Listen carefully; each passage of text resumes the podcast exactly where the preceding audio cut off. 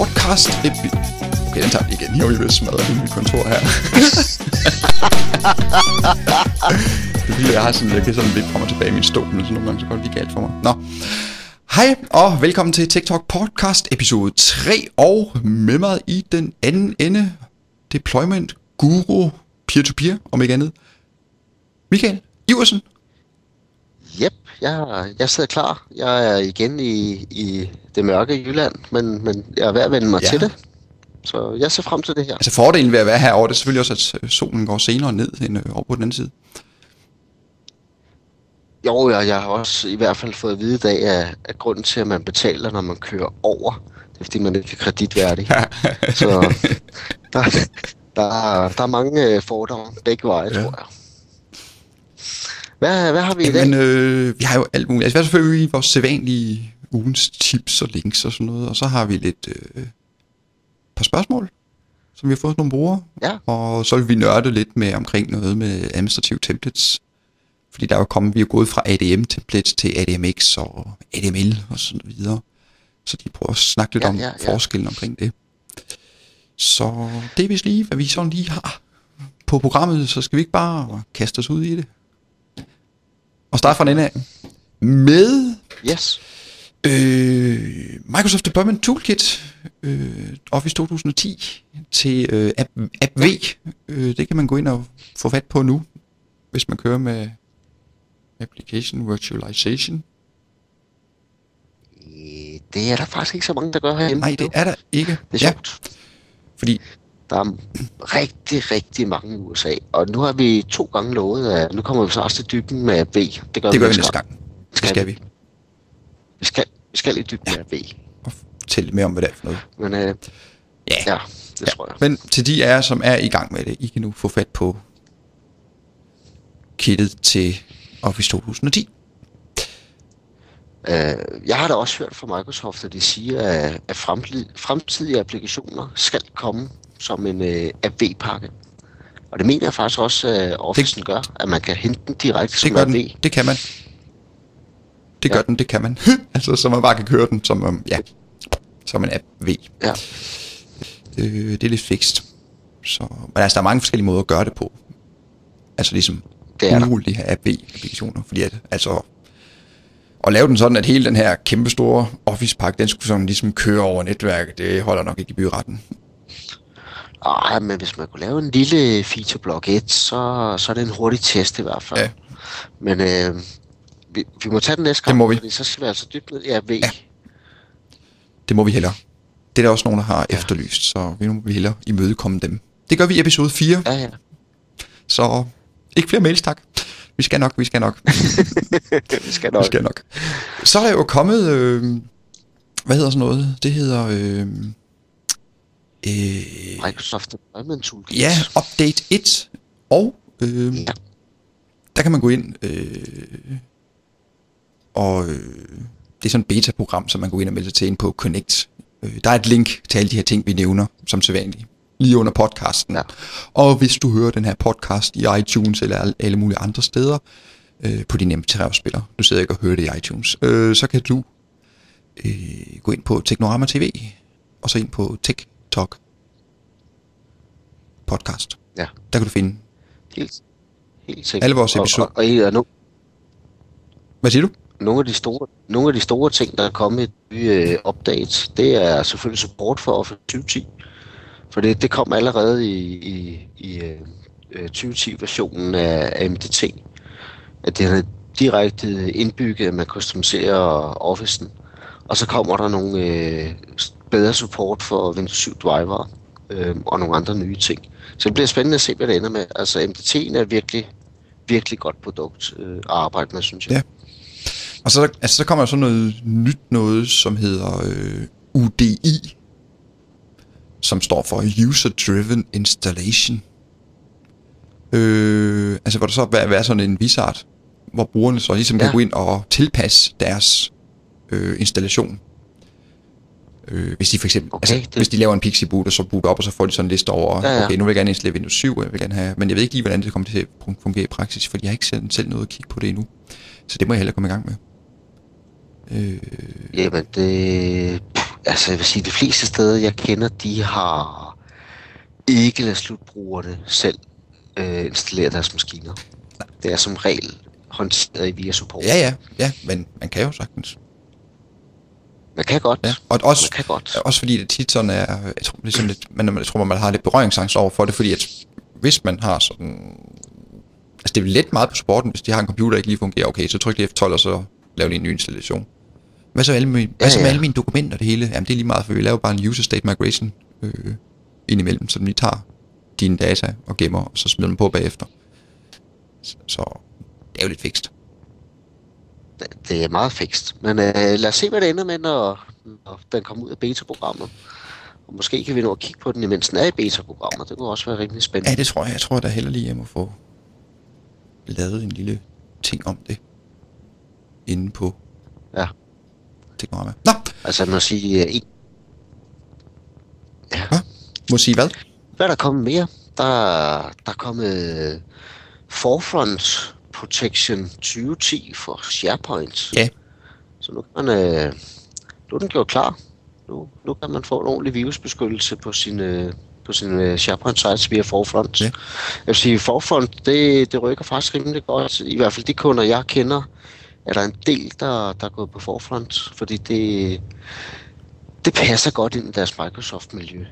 Øh, øh, så, så, så, så det, det ser jeg mange af efterhånden. Ja, men jeg tænkte så mere på SharePoint. Altså, hvor mange der egentlig bruger SharePoint her øh, i Danmark? Oh, jeg vil skyde på 50% af dem, jeg kommer hos, bruger SharePoint. Ja.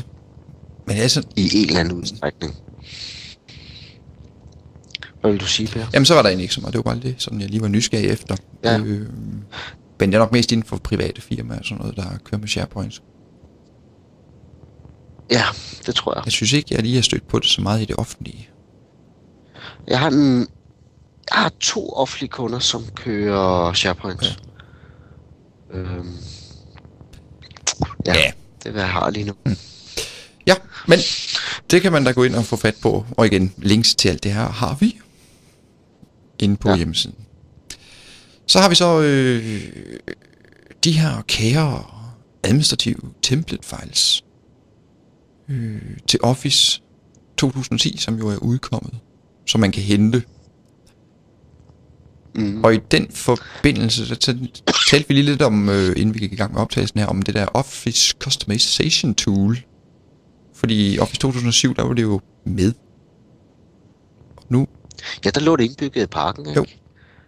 Øhm, og det er lidt svært at læse ud af det her, om det faktisk stadigvæk ligger i den gamle pakke, eller, eller jeg skulle ud og hente et tool, ligesom jeg kunne, skulle det i de tidligere Office-versioner. Øhm, jeg skal i hvert fald lige teste det af, hvordan, hvordan er det skruet sammen lige nu før jeg kastede mig helt ud i det. Det fede er også, at Microsoft så lige har udgivet et øh, regneark med alle øh, policy for Office 2010. Øh, og der er også der er et link ud, så, så det er lige til at hente ned og se, er der kommet nogle nye øh, policies, der er at bruge, for der kommer mange nye øh, spændende funktioner i, øh, i den nye Office-pakke. jeps. Og der er så også i den forbindelse, nu sagde vi jo sidste gang om KMS, der er jo også, øh, der kan man også hente, hvad hedder det, KMS Host License Pack til Office 2010. Øh, Ja. Og vi har fået et par spørgsmål. Øh, Jamen, det har vi, har fået... øh, Det første, vi har fået, det er faktisk et, øh, en, der var flink. Det var Claus fra Holstebro. Fordi sidste gang, der kunne vi ikke lige finde øh, linket til, til alle de public keys, der var til en KMS-server. Der var der en, der var flink at sige, "Jamen, dem, dem har jeg da. De ligger lige foran mig. Så han har sendt linket, og det, det lægger vi selvfølgelig ud, øh, så alle kan, kan få fat i de her public keys. jepper. Og de var godt gemt. Det, det var godt gemt. Tak, Microsoft. Sådan. Det er egentlig. Det skal vi alle sammen så lad os gemme. Nu har de endelig nogle licensnøgler, som ikke kan misbruges, og så gemmer de dem, jeg ved ikke, hvor langt væk. Ja. Nå, men vi har fundet dem. Øh, Fundet så har vi også fået en øh, e-mail fra Anders fra Skive, så han er i gang med at rulle Windows 7 ud. Øh, og han har også installeret KMS og så videre. Men øh, han får en fejl. Øh, og den fejl, den er, er den selvfølgelig lidt kryptisk, men det kender vi jo fra Microsoft. Øh, 0xC004F039. Men øh, kort og godt så den fejl ud på, at øh, man, har, øh, man mangler lige at åbne eller sætte en regel inde i sin firewall på KMS-serveren. Og hvis man kører med Windows Server 2008 osv., så, så øh, kan man gå ind og aktivere den regel, der ligesom åbner for KMS-server-trafikken til klienterne og ja. den anden vej. Og øh, hvis man selv vil sidde og nørde med det, så er det øh, port 1688. Altså hvis man ikke har sådan ligesom en firewall, man selv kan nemt lige kan gå ind og sætte et hak i, hvis man har Windows Server 2008. Øh, hvis man nu kører med 2003, øh, så er man vist selv nødt til lige at gå ind og åbne for port 1688. Yes. Og hvis man vil være endnu mere nørdet, så kan man selvfølgelig også gå ind og definere en anden port. Øh, det gør man bare med, med SL, MGR, altså Software Licensing Manager, VBS-skriptet. Øh, der kan man gå ind og definere en anden port, hvis man har lyst til det. Ja. Ja. Så Men det var et godt spørgsmål. Det var det. Fordi jeg har stødt på den her to gange i hvert fald, hvor jeg tænkte, giv vide, hvad F039 betyder sådan en kode. så øh, den er mange, der støder på første gang. Ja. Øh, og så stopper det hele ligesom med at virke, indtil man øh, får åbnet for den her firewall. Så Så det er rigtigt. det skal man lige have gjort. Det skal vi have gjort. Ja. Men øh, det betyder jo ikke, øh, at selvom vi kan svare på det meste og forstå alt det andet, så må man jo gerne sende spørgsmål ind. Det må man. Også på emner, vi har haft op før, eller emner, vi slet ikke har haft op endnu. Nu er der et par stykker, der er skrevet omkring AV, så, så nu, tager vi, nu tager vi fat i den, så gør vi noget ved den. Øh, men bliv ved med at sende spørgsmål ind, så, så, så ser vi vel, hvor langt vi kan nå, og hvis vi ikke kan nå det, så kan Google nå det for os. Jeps. Men øhm, inden vi ligesom går i gang med at nørde omkring de der Office, eller ikke så meget Office, de administrative skabeloner, men mere sådan forskellen på de der ADM, ADM og ADMX og så videre, øh, skabeloner der, altså hvad forskellen er, så synes jeg lige, vi skal bruge et lille øjeblik på lige at nævne, hvad Michael og jeg går og laver, når vi ikke lige optager podcasts og spiser is i Legoland. og Okay. Skal, skal, altså Michael, du er jo, hvad hedder det, konsulent, IT-konsulent, også, hvad hedder det, så har du noget peer-to-peer deployment, som du går meget op i, øh, ja, det er med, hvad hedder det, nu har jeg allerede glemt, hvad det hedder igen, øh, det hedder distribute. distribute, som du, altså du, øh, det forhandler du, eller altså, eller du sådan, du sådan, den man kontakter i Danmark, hvis man gerne vil have det implementeret. Ja, og jeg er også den, der er super god til at sætte det op. Ja, det, det Øh, burde det jo så være. det burde jeg så være. Øh, men, men ja, altså der er virkelig nogle øh, spændende muligheder i det. Og det skal vi altså også have ned at stå ned i dybden. Så det kan godt være, at vi snakker API næste gang, men så kan jeg også godt love for, at næste gang efter, der snakker vi distribute. Ja. For det Ved mindre, der kommer mange gode spørgsmål. om AV, eller om, om, Om eller om alt muligt andet, så Ja. tager vi lige dem først. Helt sikkert. Jeps. Og alle øh, kontaktoplysninger og alle de sædvanlige ting, de ligger jo som et link. Ja, der, hvis ikke, det skulle ikke være problemer. Ellers så kan I bare google vores navne. Øh, så burde I også... det var måske lidt våget sagt. Det var, det meget vådt sagt, man ved aldrig, hvad der dukker op. Nej, nej, nej, I skal ikke, I skal ikke lige google vores navne. Det var lige en fejl. Det... Godt, ja. Og øh, ligesom Michael, så laver jeg også sådan noget, hvad hedder det? Hvad hedder sådan noget? Ja, konsulent, konsulent ting-agtigt øh, i mit firma ntsupport.dk. Øh, jeg fandt faktisk ud af, at det domæne, det har jeg overtaget fra en eller anden sikkerhedsguru. Okay. Jeg kunne forstå, øh, men det, det er sådan lidt, men jeg, har, jeg tror også, han har lavet noget, han må have lavet et eller andet, lidt for meget søgeoptimering til hans, gamle, altså hans domæne, for jeg blev faktisk blokeret i Google. Altså, hvor man, jeg, jeg dukkede ikke op i Google søgeresultater på et tidspunkt, så skrev jeg til Google, Det- at jeg havde faktisk overtaget det her domæne, så det er altså ikke mig, der havde fusk inden da.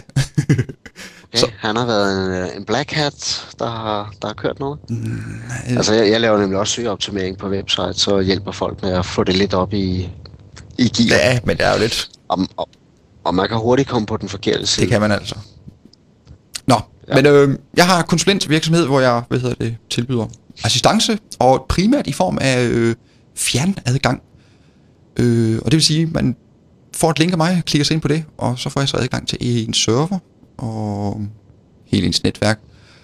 Og så er det jo ikke sådan noget med, at man skal sidde sammen med mig og sidde og glo på, at jeg sidder og laver en masse på serveren, fordi jeg kan sådan opsætte det sådan, at jeg kan lave det sådan, uden at I skal være til stede, og jeg kan også genstarte serveren og så videre, selv med at I ikke er der.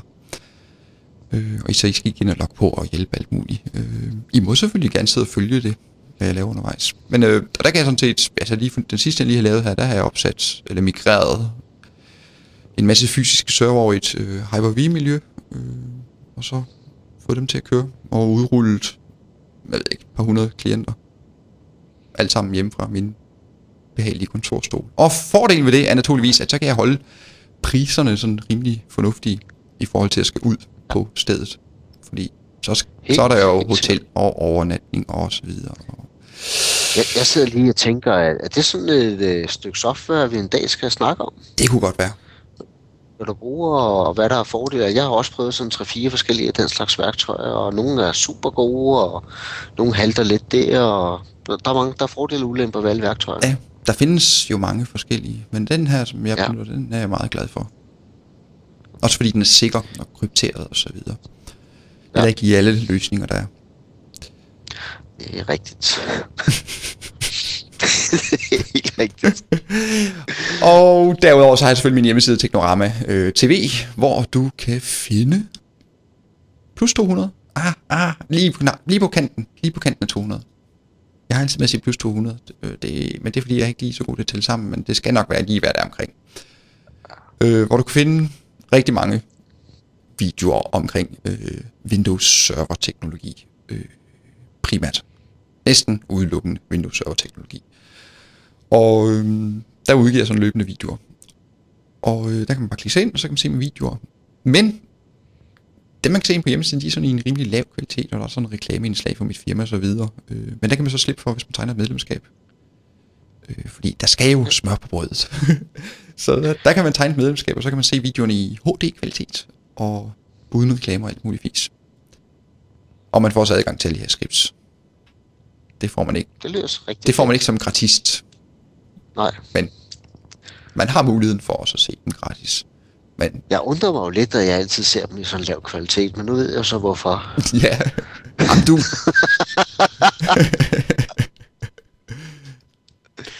det må vi lige have Og det, minder, og det minder mig om, at vi ikke har hørt fra Microsoft nu med deres home. Nej, det undrer egentlig også lidt mig, men øh, jeg har faktisk heller ikke lige sådan fået tjekket postkassen her for nylig, så det kan jo godt være, at der ligger et brev fra postvæsenet om, at der er en... Der, der står en server dernede. Vi håber. Og nu vi lige snakker postkasse, det må vi heller lige nævne. Det må jeg heller lige nævne, for jeg har rigtig købt et rigtig nørdet gadget. Øh, det er godt nok ikke kommet endnu, men øh, det er blevet sendt. Nu skal jeg se, om jeg kan finde mailen fra dem, der har sendt det, fordi så kan jeg jo lige se, hvorhen det egentlig er i landet. Øh, dum. Du må lige, du må lige fortælle, hvad det, hedder, hvad det er for Jamen, jeg skulle lige have fundet navnet jo. Det hedder L5 Nå, Remote. L5. Har aldrig hørt om før. Nej, det har du sikkert ikke. Jeg kan se, hvor er det henne. Det er international bla bla bla. Øh... Og de har bare modtaget, de har bare modtaget, de bare modtaget et pakke. Turn your iPhone into a universal remote. Nå, men hjemmesiden hedder øh, L5 Technology. Så, ja, hvis man hurtigt vil ind på hjemmesiden, så er det l5remote.com. Er det ikke? Jo. Og der kan sådan en lille gadget, man kan smække i sin iPhone, iPod, iPod Touch, øh, anden generation, og iPod Touch første generation, der virker vist også med. Og så iPhone 3GS og iPhone 3G. Jeg tror faktisk, den virker med alle generationer af iPhone Okay. og iPod Touch. Det eneste, man bare skal have, det er, at man skal have øh, iPhone OS version 3 eller nyere. Og det man skal gøre, så sætter man sådan en lille infrarød sender i rumpen på ens iPhone eller iPod Touch. Og så kan man bruge den som universel fjernbetjening. Okay, hvad koster så en? Jeg må have den. Den koster... Øh, den kostede ikke særlig meget. Siger jeg. Det er selvfølgelig relativt i de her tider. Den koster 50 dollars, og det vil sige 300 kroner. Så det er hurtigt tjent hjem i batterier. Ja, det er det. 50 dollars. 49,95. Jeg, jeg kan allerede se derhjemme nu, vi har fire iPhones derhjemme. Bliver det ikke godt, det her? det, det, Ej, men det, det jo, tager vi lige det, senere. Det, jo- det er jo ikke kun tv. Det er jo alt. Det er din Xbox, det er din... Øh, ej, ikke lige garageporten, men... Øh, for den kører ikke med infrarød. Men øh, ja, det kan da godt være, at du har en, der. Jamen, jeg, jeg, jeg, jeg har haft en med en til Logitech Harmony, tror jeg det hed. Og det virkede faktisk også rigtig Ja, godt. men her, der kan du jo selv designe din brugerflade. Der er sådan, der er sådan en lille applikation med. det, det, det fik du altså til at lyde som om, at det var, det var lige så godt som at få is i Ja, livet. ja, der, det, så har du, okay, nu skal jeg lige, så har du, kan du lave forskellige øh, sider, så har jeg, okay, det her det er mit kontrolpanel til min Xbox. Ind på det, og så kan du så lige styre din Xbox derfra.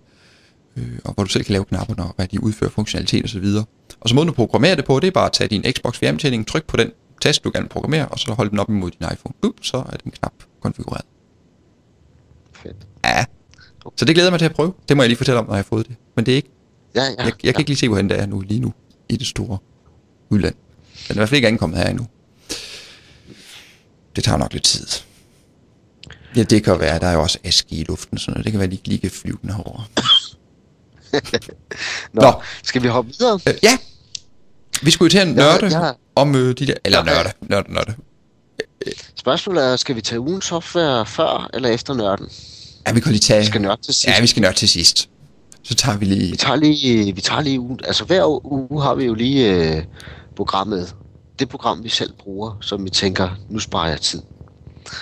Øhm, og dagens program, det er The Brain. Og The Brain er... Puha, det er svært at definere. Det er både mindmapping, øh, det er også et simpelt øh, notesystem. Øh, men det, jeg godt kan lide ved den, det er, at i mindmaps, der har jeg ligesom øh, et centralt punkt, og så bevæger jeg mig ud fra der. I øh, The Brain, der har jeg også et centralt punkt, og så bevæger jeg mig ud. Men så kan jeg begynde at lave streger på kryds og på tværs. Det vil sige, at jeg kan faktisk sidde og skrive en note om øh, et eller andet omkring en øh, MDT-server, og så lige pludselig så skriver jeg noget om, øh, om øh, DSP, og de to ting er ligesom forbundet, og så kan jeg bare tegne en streg. Og hvis en dag står på DSP, så kan jeg se, at den har noget med VDS at gøre. Og hvis en dag står på VDS, så kan jeg se, at den har noget med DSP at gøre. Det er den ene ting, jeg godt kan lide. Den anden ting, jeg godt kan lide, det er, at den dykker ned og ligger som en lille knap ude siden. Og når jeg så lige klikker på den, så åbner det op, og så kan jeg sidde og skrive noter i det. Og det er rigtig, rigtig godt, for denne her ligger over alle mine terminalstationer. Uh, og man kan trække og slippe regneark ind. Yes. Og du kan lave links ind, og du kan trække mails ind, du kan og trække filer ind. Du kan det hele.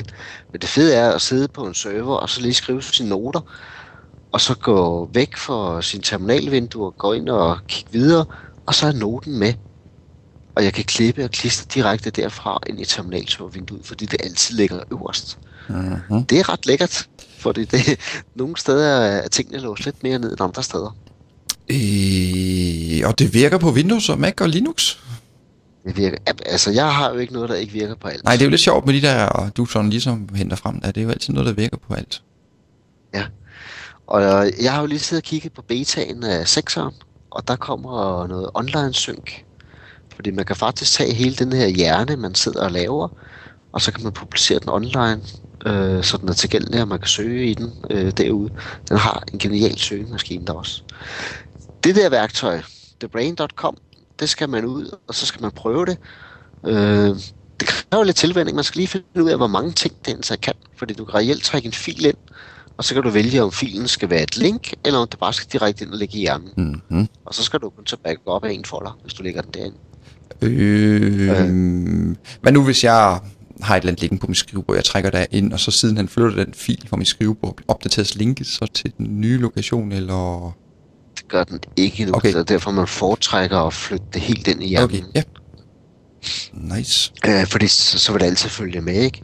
Men, men jeg har i hvert fald brugt det også, hvor uh, at jeg for eksempel har kunder, og nede under kunderne, så har jeg alle de dokumenter, jeg har skrevet, og mails og så videre, og det gør det altså meget mere søgbart øh, i forhold til at sidde og kigge igennem en filstruktur, hvor jeg nogle gange har, lad os sige, jeg har for eksempel et øh, dokument omkring øh, min standardopsætning af MDT-server, og det, den går jo igen. Altså 99% det her opsæt går igen hos andre. Hvor finder jeg det så? Hos kunden A, B eller C? Jamen der kan jeg bare gå ind og linke det, og så kan jeg trække en streg til alle de tre andre. Og så er det et dokument, som lige pludselig er linket til tre kunder. Selvom det ligger et sted i mit filsystem. Mm. Mm. Mm. Men øh, det er værd at kigge på. Man kan også trække links ind, man kan trække mails ind. Ja, du kan trække alt ind. Hvis du kan få en hest ind, så er det fint. Men altså, det hele, det hele det ligger, altså, det ligger lokalt, dataen og sådan noget, ikke? Jo, ja. Var, var, var, var det vores øh, slagoversætning den her gang? Kan du få en hest ind, er det fint? Ja, det tror jeg. Kan du, kan du få en hest ind, er det fint. Okay. Det noterer jeg lige. Lad os nørde. Ja, men jeg havde også lige et lille tip. Jeg har bare glemt at skrive det i waven. Det er fordi, Så nu skal I se, jeg var nemlig inde på øh, din hjemmeside lige her den anden dag. Nå, Og du har jo bare sådan en standard Word, eller standard, den er meget pæn faktisk, din hjemmeside, og så den sædvanlige søge ting der. Men så har jeg fundet ja. Ja. et lille plugin, eller plugin, øh, en lille ting, øh, som hedder Aperture. A-P-T-U-R-E. Øh, det er lidt svedigt. Det er faktisk Ja. rigtig smart. Øh, det er sådan set bare en søgemaskine til din hjemmeside. Hvor du, altså ikke hvor du kan søge på, hvor man kan søge på din hjemmeside, men hvor man kan søge på den store verden. mm.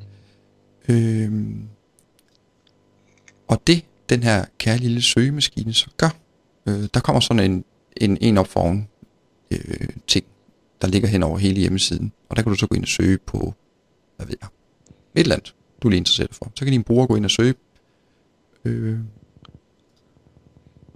eller anden ting. Og så kommer sådan en lille ekstra vindue frem, hvor den så kommer med søgeresultaterne. Og så har den for eksempel fundet en YouTube-video. Så kan jeg klikke på den, men så afspilles den inde på, øh, Osa, så afspilles den inde på øh, din hjemmeside i et lille, ja. et lille vindue. Og hvis man markerer tekst inde på din hjemmeside, så kommer sådan en lille søgeknap frem, hvor man kan trykke search, og så søger den så efter det ord, eller sætning, du nu har markeret.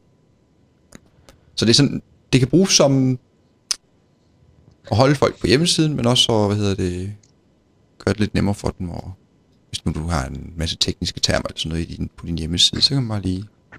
Plus at, at, at når man arbejder med, med pluginen, så holder den selv øje med, med hvad der egentlig er på siden og sådan noget. Yep.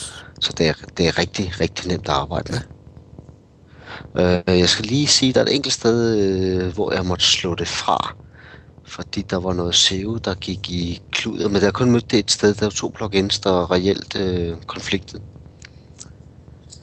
Øh, jeg kan ikke huske løsningen nu, men det finder jeg. Jeg skal nok finde løsningen. Okay.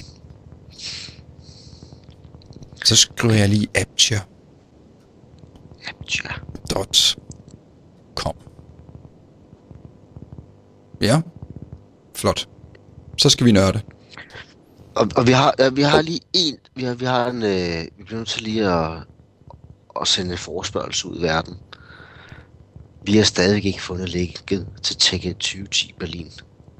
Der må være nogen, der har fundet det, og kan sende det til os. Ja, Hvor tilmelder man sig? Kom med det. det er... Det er mærkeligt. Det, Det kan være, det ligger i pakken sammen med serveren fra Microsoft. okay, lad os nørde, Per. ja, øh, det er jo egentlig bare, hvad hedder det... Ja, nu fik jeg skrevet helt forkert her. Altså, tidligere på de gamle server, 2003 og så videre, der kørte man jo med ADML, ADM-skabeloner. Og øh, altså det hele, det går jo tilbage til NT4. Ja, endda endnu længere tilbage. At alle de der gruppepolitikker, ting og sager, man går ind og definerer, det er bare ændringer i registreringsdatabasen. Ja. Og længere er den ikke. Og øh, nu har man så fået de her ADMX øh, skabeloner. Mm. Og der tror jeg, folk er lidt sådan lidt, øh, hvordan er det lige, og hvordan laver man sin egen og sådan noget. Øh, Men det tror du ret i. Det tror du helt ret i. I forhold til tidligere, fordi nu er det jo sådan ligesom mere sådan, nu er det jo sådan lidt XML-data-agtigt. Øh, for eksempel hvis man skal lave en, hvis man vil lave sin egen øh, gruppepolitik, så er det jo ikke ligesom tidligere, hvor man bare har den der ene ADMM-film, bare skinner ret i. Det er mm. blevet lidt mere komplekst. Så, men hvad gør du? Altså laver du din egen, eller? Jeg plejer at lave min egen. Øh, jeg mener, øh, hvor det fuld armor, øh, der havde et tool, man kunne downloade, hvor man kan sidde og lave ADMX-template i, plus den kan konvertere gamle ADM, ADM-templates til ADMX-templates. Øh, og der er jeg i hvert fald lavet nogle omkring øh, TCP/IP på version 6, hvor der er nogle kunder, der gerne vil have haft lidt mere styring med det. Øhm, og det, det har været dejligt simpelt at sidde og arbejde i. Ja. Så la- der laver man simpelthen bare sin egen klasse og, og, og kører i der. Ja, for det er ikke så kryptisk igen, hvis man lige har sådan en skabelon at kigge på. Øh, man kan for eksempel, hvis man har, hvad hedder det, øh, et plus abonnement, jeg ved ikke engang, hvad hedder det, hvad jeg kalder det. Ja, hvis man har medlemskab på min hjemmeside, så har jeg en, øh, for eksempel en, øh, en video om det at aktivere EU-browservalg. Øh, og derinde der har jeg smidt en XML-fil ind, som jeg ligesom viser, også viser i videoen, hvordan man øh, importerer den og ligesom implementerer den som en gruppepolitik. Ja. Øh, fordi det kan man ikke som standard slå fra med en gruppepolitik, men det, der kan man så hente den der XML-fil, og så kan man prøve at kigge på den, altså prøve at kigge på, vælge lige at åbne den i en teksteditor eller et eller andet, og så prøve at se, hvordan sådan en strikker sammen, fordi det er egentlig bare derinde registreringsdatabase ting, der kører. Ja, der er en lille smule forskel på, om den drop down eller, eller det er værdi, man sætter ind. Men, men sådan er det jo også i registreringsdatabasen. Nogle gange er det en, en type nøgle, og andre gange en anden type nøgle. Ja. Øh, men der er ikke raketvidenskab. Altså, jeg har lige siddet i dag og, og kigget på, på templates til at, at kontrollere Firefox i en større virksomhed. Øh, og, og man kan styre alt. Det kan man. Øh, via policy. Ja. Og det skal man også tage at gøre. Altså, der er stadigvæk nogen, mange faktisk, der bruger det der gamle princip, eller ja, den gamle, hvad hedder sådan noget, princip, eller den gamle måde at gøre tingene på, øh, og, og tage en klient, og så øh, på den gå ind og lave restriktioner og indstillinger og alt muligt. Øh, og så har man så en eller anden NT user dat fil, som man så ligesom ruller og smider ud på alle, eller som alle skal benytte sig af. Øh, og det er altså passé at gøre det på den måde. Fuldstændig. Øh, det, det er en helt det er en forældet ting, tænkegang, tankegang tilbage fra øh, NT 4, hvor man havde det er helt sikkert. hvor man havde Windows 98 med Pol Edit og alt det der. Øh. Ja. Og, og man kan heller ikke på en 2008 server dag kopiere en profil. Det er slået fra. Ja. Øh, på, og, og det opdager man, når man starter en terminalserver, og man har altid brugt øh, det her trick det kan du ikke mere. Jeg skal så sige, at der findes tredjepartsværktøjer, der, der gør, at du stadigvæk kan gøre det. Men jeg vil skyde på, at du ikke er særlig meget support mere. Og der findes også en video ind på min hjemmeside, hvor, der viser, hvor jeg viser, hvordan man gør. Fint. Sådan skal det gøres. Og derfor, Sådan skal det gøres. Øh, hvordan man kan få den, det, det, det undrede mig også over dengang, jeg sådan skulle i gang med default user på Windows 7. Hvad fanden, hvorfor er den, hvorfor er den grå? Øh, og det værste af det hele, det værste af det hele, det er, det er faktisk meget interessant det her. Microsofts dokumentation, de forklarer, hvordan man skal klikke på Copy User Profile. Altså hvis man skal lave default user. Jeg har sådan flere øh, manualer ja. fra Microsoft, hvor det står, men det er deaktiveret. Ja, øh, men man kan så, de har så selv udgivet en, en artikel om, hvordan man kan gøre, hvis man udruller Windows 7, så kan man gå ind og øh, definere en øh, lille værdi, der hedder copy et eller andet haløjsa øh, enabled jeg kan ikke huske, hvad den hedder lige helt nøjagtigt, den værdi, nej, men, nej. Øh, men jeg har så fundet ud af, hvordan man kan gøre det selv, hvis man har en Windows 7 maskine kørende, som man gerne vil sætte op. Der har jeg sådan en lille video omkring, hvordan man kan... Okay. Jeg, jeg har fundet et, et tredjepartsværktøj, som gør det. Som simpelthen øh, overruler det her, og så bare gør det alligevel. Øh, som jeg har haft nogle kunder bruger på terminalserver. Men vi kommer væk fra ADMX. Hvad, hvad er fordelen ved at gå fra en ADM til en ADMX? Øh template. Ja, hvad er fordelen? Ja, hvad er fordelen? Ja, der er i hvert fald noget sprogversionering i, fordi jeg har både en sprogfil, og så har jeg en, øh, øh, som kalder min settingsfil. Øh, så det ikke er, er en stor pærevælling. Er der andre fordele, når man så sidder og tænker over det? Nej, altså det er jo bare, de er jo bare gået over. Altså det er jo bare udvikling. Ja, øh, altså det er, hvis man går til et XML-format, Ja. øh, og det er I det stedet for tekstfiler. tekstfil. Ikke? Ja. Øh, jeg, synes, jeg, jeg har så også stødt på, på mange kunder, som stadigvæk ikke kører med central storage på, på deres øh, group policy. Og der kan man godt vinde noget, hvis man har mange policy. Fordi hver gang man laver en policy, så fylder den som standard 4 megabyte nede i sysvold. Yep.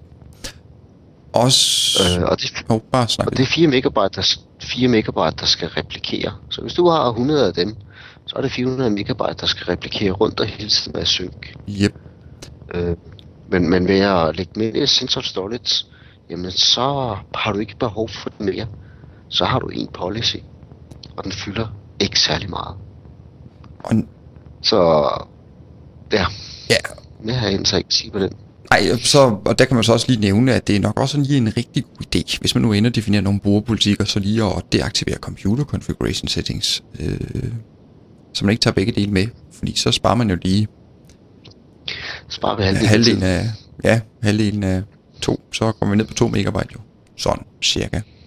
Jeg ved ikke om det er lige fordelt datamæssigt.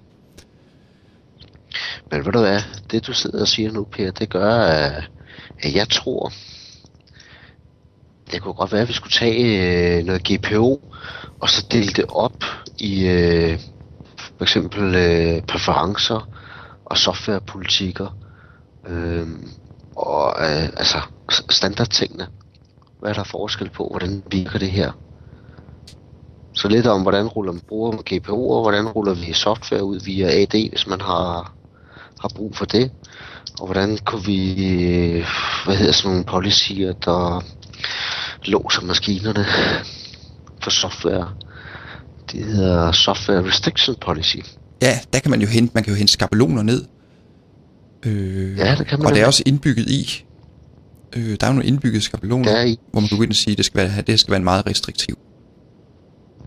Så, så det kunne være en, en mulighed at tage op lidt senere. Og så når vi snakker øh, og, og love sin, øh, sin software, så kunne man måske også kigge på AppLogger på øh, Windows 7. Ja. Som jeg ikke tror, der er særlig mange, der er begyndt at bruge nu. Men, men det er et rigtig godt stærkt værktøj. Øh, og det er nemmere at gå til end, Ja, øh, de- end den gamle. Ja, den gamle, den var lidt bøvlet, fordi man skulle ind og... Altså, man kunne selvfølgelig bare tage navnet på programmet, men det holder jo ikke, for så kan det være bare omdøbe programmet, og så kan man køre det igen. Men så kunne man... Ja, det er den ene ting, og den anden ting var, øh, at der var sgu mange, der var bange for, hov, nu fik jeg lukket for system 32, nu er der sgu ikke rigtig noget, der virker mere. Øh, Ej, den er altså ikke lige prøvet. det, det kan lade sig gøre, kan jeg fortælle. okay. Øh, ej, Jeg har spadet for C-kolon. så har jeg sådan lige... Jeg ved ikke, vi skal kalde det. Et uge, vi burde næsten have sådan en ugens bok-sektion. Ugens bok, hvad er Jamen, det? det er bare sådan noget, man har været ude for. Øh, for i går øh, Ja. et netværk, som var sådan fuldstændig...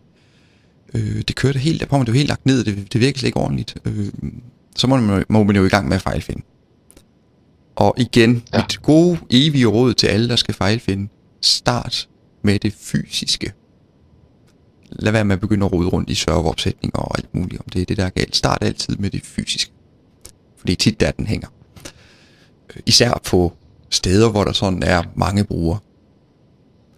Øh, men det var så det, det, det der net, det kørte helt på til. Det var helt lagt fuldstændig ned, og jeg kiggede på switchen, og de blinkede som sindssygt på alle lamperne. Og så kunne jeg nok regne ud, at der var et eller andet galt. Og så er det jo bare at starte fra en ende af, og pille tingene ud af øh, kablerne ud af switchen, indtil man lige finder, altså der tager jeg så bare de krydsfelter, der sådan er forbundet, dem piller jeg sådan fra en efter en, indtil jeg finder ud af, hov, hov, nu holdt det op med at blinke helt sindssygt meget. Okay, så det er det her krydsfelt, det er galt med. Så render jeg over til det krydsfelt, og så tager jeg så igen ledning ud, en efter en. Og der var så nogen, fuldstændig mærkeligt, ned fra øh, rackskabet, der gik der et, et, øh, et netværkskabel op fra en port i switchen, og det gik så op i et øh, stik, i et netværkstik i vægen, som gik tilbage til switchen. Så der var lavet et loop. så det var sådan et, Åh, ja. så det, det var klart, det var klart, det, det... Men, øh, men altså, der havde de jo så for inden prøvet alt muligt med at slukke serveren, genstarte serveren og tjekke for alt muligt andet, end, øh, øh, altså sådan rent softwaremæssigt, og se om der var et eller andet galt der. Øh, men så, sagde jeg, så, så startede jeg lige den anden end i stedet for med kablerne, fordi det er tit der, det er galt. Altså hvis det har virket, og så dagen efter ikke virker, og der ikke er nogen, der har sådan har pillet ved serveren, så er det nok ikke serveren, det er galt med. Men øh, det, Ja. det, Men der er jo aldrig nogen, der har pillet ved noget, når man spørger. nej, det er der ikke. Det er først bagefter. Når man så forklarer den, hvad der kan. Ja, så, så, Nå, ja, vi det er gjorde de lige- opdaterede lige hele netværket. Ja. Ja, ja, og det kender vi godt. Jeg taler lige med en supporttekniker fra, øh, fra Athena. Han havde også været ude, de, kø, de kører sådan noget backup. Øh, Ja. Fjern backup. Og de havde også sådan, øh, de havde et problem med en kunde, ude ved en kunde, hvor backupen den ikke fungerede. Øh, den, gik, øh, den gik i stå om natten eller om aftenen, når den skulle lave backup. Og de øh, brugte øh, nogle dage på at finde ud af, hvad pokker der var galt. Og så fandt de så ud af, at det var øh, vagten, når han gik sin runde om, om, om øh, aftenen, så, øh, så tændte han og slukkede han for lyset, eller der var noget automatisk lysstyring, der tændte og slukkede, og der var åbenbart noget switch, der var sat på der eller anden, så det, det gik ind og slukkede for switchen, eller kortslutte den, eller lavede et eller andet i den. Det sagde han, det var også rimelig bøvlet at finde ud af. Det var altså nattevagten, der var skyld i problemet. Pænt bøvlet Ja, er du galt, ja. at finde løsning på. Men så er der så meget, men den, igen, altså det er tit på hardware, siden man skal kigge. Nu kan jeg aldrig huske den der, der er sådan en model, man skal benytte, når man skal fejlfinde, hvad den hedder, OSI, nej, der er sådan, der er sådan en gammel, Jeg kan ikke huske. nej, men der er sådan en gammel model, sådan en fejlfindingsmodel, den er ret god at bruge. Åh, det kan være. Hvis der er nogen af vores seere, han har sagt lyttere, der kommer i tanke om, hvad den lige hedder, så må de godt lige give et præg. Den, hed- den Ja. hedder ikke OSI, den hedder et eller andet. Fis. Nå, Nej. men endnu en gang en lille historie fra den virkelige verden. Fordi der befinder vi os også en gang imellem. Helt sikkert, helt sikkert. Øh, Jeg tror sgu, jeg tror, jeg tror faktisk, vi er kommet igennem tingene. det tror jeg. Der er ikke sket så meget nyt for Microsoft. Så det ligesom om, at de går lidt i stå. Ja, yes, de leger lidt med noget hot, Hotmail-opdatering, og der er kommet noget Outlook Connector version 14, sådan så man kan connecte sin Outlook til Hotmail, og det er der kommet nogle fordele ud af. Eller nogle nye features og så Okay. videre, men det er jo ikke sådan noget vildt spændende. Men det, som vi fuldstændig har glemt, og som jo er meget vigtigt at få snakket om, som var jo den anden ting, som jeg ville nørde lidt med, Øh, det er noget, der hedder... Altså, det, jeg ved det ikke. Det kan godt være, der er rigtig mange, der kender det. Men jeg er faktisk først lige her for nylig fald, faldet over det. Øh, jeg skulle til at lave en video omkring øh, WordPress på Windows-platformen, fordi der var der mange, der spurgte efter, om jeg ikke kunne lave en video omkring det.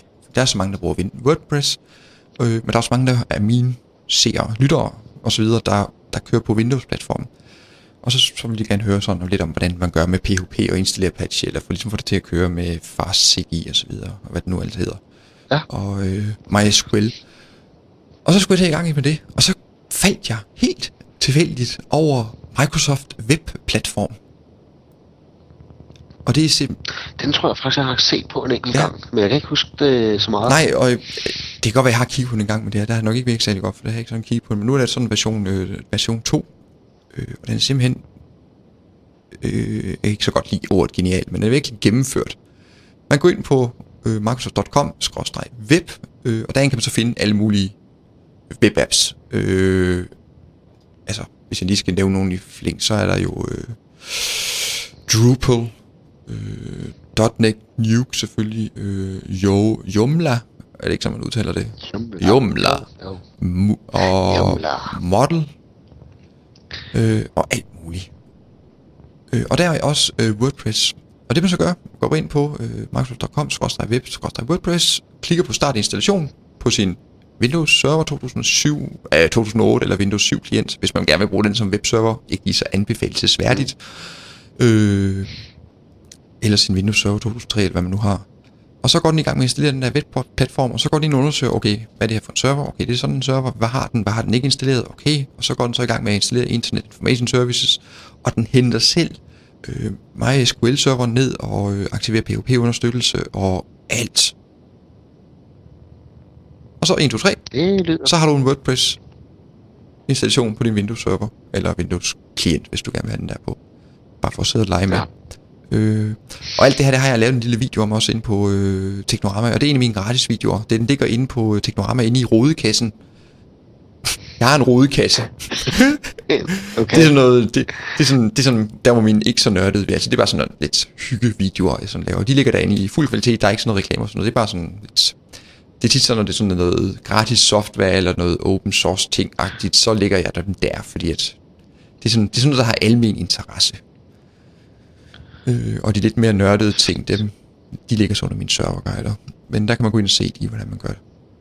Jeg vil lige nævne, ja. at sådan noget som øh, permalinks, hvis man kører med Windows Server 2008, og så, kan, så virker permalinks automatisk. Altså man skal selvfølgelig ind og konfigurere lidt på det, det skal jeg nok vise i en video også. Og hvis man kører Windows Server 2003, der skal man lige nok rydde lidt mere med det. Men øh, Ja, ja. til alle dem, der stadigvæk kører 2003, se nu at få opdateret til 2008.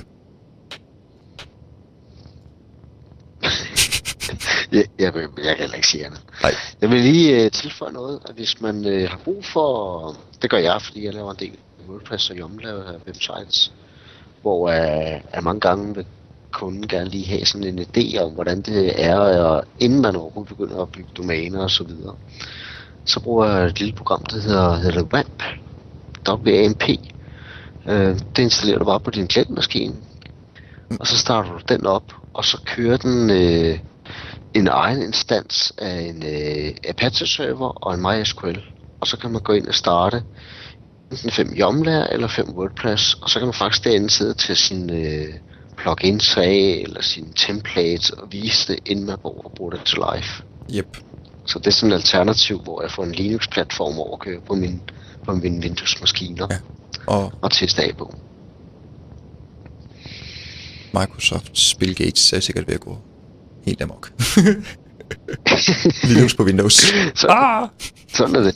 Ah, oh. Men de har der i Hyper-V, der har de der begyndt at lave lidt Linux-understøttelse. Har det ikke kørt ikke sådan? Jeg har ikke sådan... Og, altså, der er, Red Hat har været med fra starten af. Ja, men jeg tænkte sådan mere på Ubuntu og de andre ting. Der er der sådan noget af... Der, jo, det, du kan nok godt få det til at køre, hvis du kører med emulerede driver.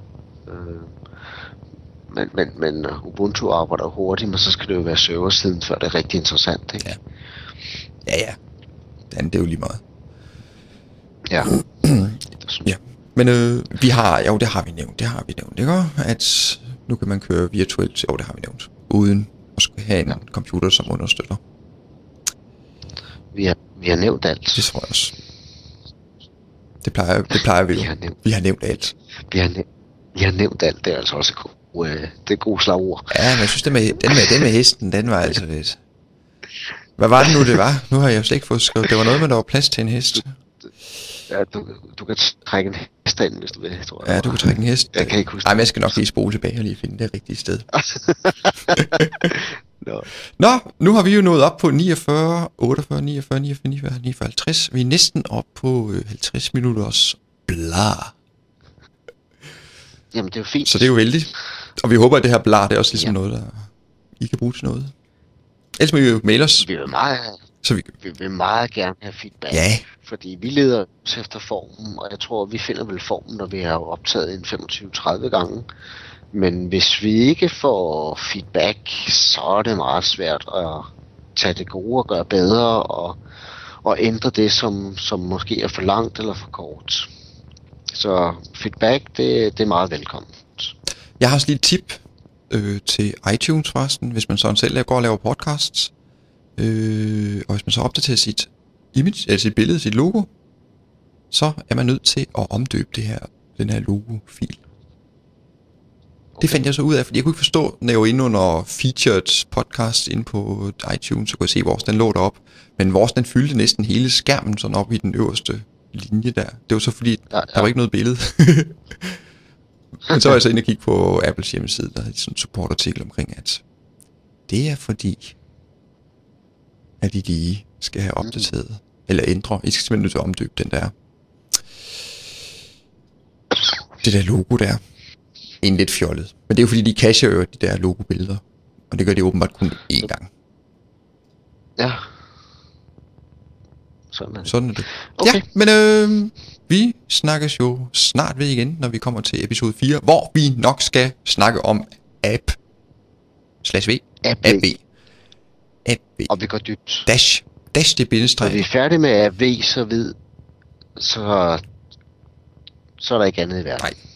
Og så er det bare med at komme i gang med at bruge det. Vi er færdige. Det er vi.